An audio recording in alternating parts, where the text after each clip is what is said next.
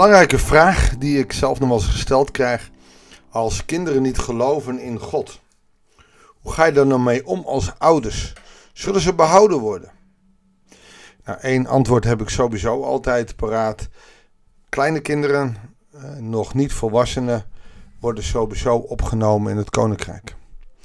Er staat ook in uh, Meen Timotheus Korinthe dat het gebed van de ouders hen redt. Maar hoe zit dat nou met kinderen die volwassen zijn? Die God vaarwel hebben gezegd. Kunnen ze dan ook niet gered worden op basis van het geloof van hun ouders? Nou, helemaal gered worden denk ik niet, want het gaat om het persoonlijk geloof. En toch, het geloof van de ouders speelt wel een rol. En dat lezen we vandaag ook als we gaan beginnen aan hoofdstuk 15 van 1 Koningen, waarin een opsomming is van allerlei koningen die goed deden in de ogen van de Heer en die niet goed deden in de ogen van de Heer. En dwars door de ellende en de rottigheid die ze uithalen heen, proef je genade. Goeiedag, hartelijk welkom bij een nieuwe uitzending van het Bijbelsdagboek. Fijn dat je luistert. We lezen zoals gezegd 1 Koningen 15, de versen 1 tot en met 8. Abiam werd koning van Juda. In het achttiende regeringsjaar van koning Jerobiam, de zoon van Nebat. Jerobiam, koning van het tienstamrijk. Abiam wordt koning van Sion. Dat is Jeruzalem. Dat is eigenlijk één stam, maar daar zitten de Levieten ook in. Drie jaar regeerde hij in Jeruzalem. Dat is niet lang. Zijn moeder was Maacha, de dochter van Abisalom.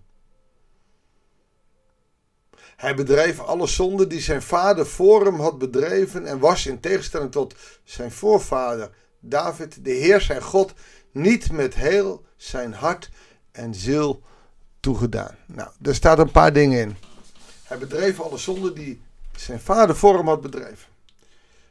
In Ezekiel lees je dat een zoon niet wordt gestraft voor de zonde van zijn ouders.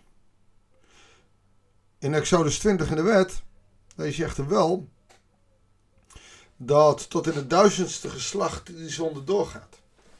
En waar gaat het daarom? Niet om de erfzonde, maar om het voorbeeld. Ik heb het van de week al eens gezegd: goed voorbeeld doet goed volgen. Slecht voorbeeld doet ook slecht volgen. En dat zie je hier. Hij bedreef de zonde die zijn vader voor hem had bedreven. Dat betekende dat hij uh, afgoderij deed. Dat hij vrouwen haalde uit verkeerde landen. Hij deed gewoon alles wat God verboden had. Maar dan staat er meteen in tegenstelling tot zijn voorvader, want daar zitten dus al twee generaties overheen, David. Die de Heer zijn God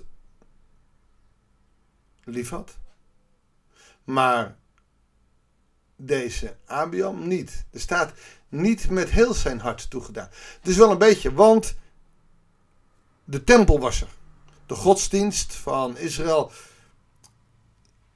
is de God Yahweh aanbidden. En daar kan zo'n koning niet omheen.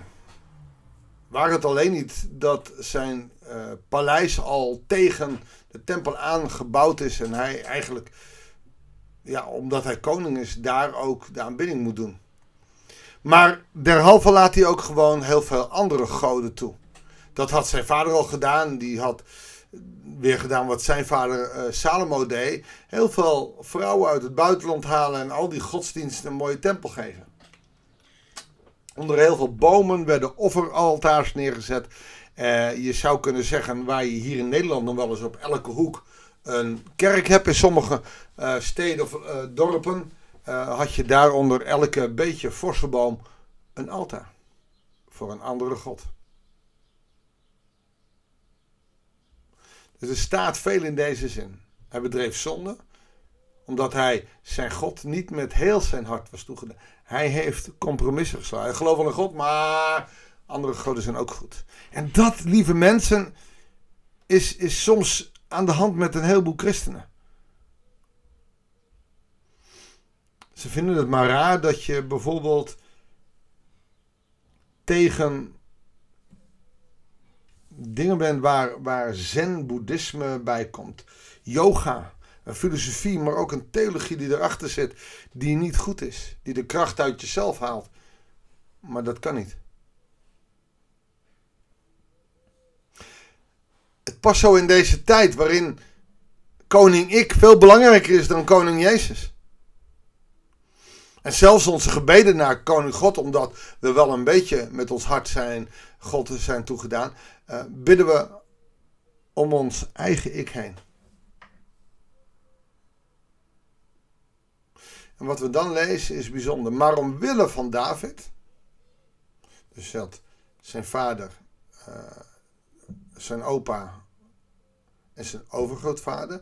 David was zijn overgrootvader. Dus omwille van David liet de Heer het licht van Davids koningshuis in Jeruzalem branden.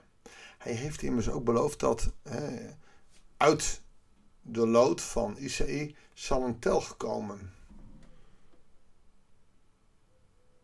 Dus, dus hij moet ook wel. Hij moet helemaal niks. En hij straft ook genoeg. Maar goed, hij liet het koningschap van vader op zoon overgaan en zorgde dat Jeruzalem stand hield. David had immers steeds gedaan wat goed is in de ogen van de Heer. En zich altijd gehouden aan wat hem was opgedragen. Behalve in de kwestie met de Hethiet Uria. Kijk, en nou staat het er eindelijk bij. Hij heeft wel zijn zonde gedaan. Maar hij bleef, ondanks dat, ook toen hij op zijn kop gekregen had, bleef hij God trouw. En dat wordt hem toegerekend.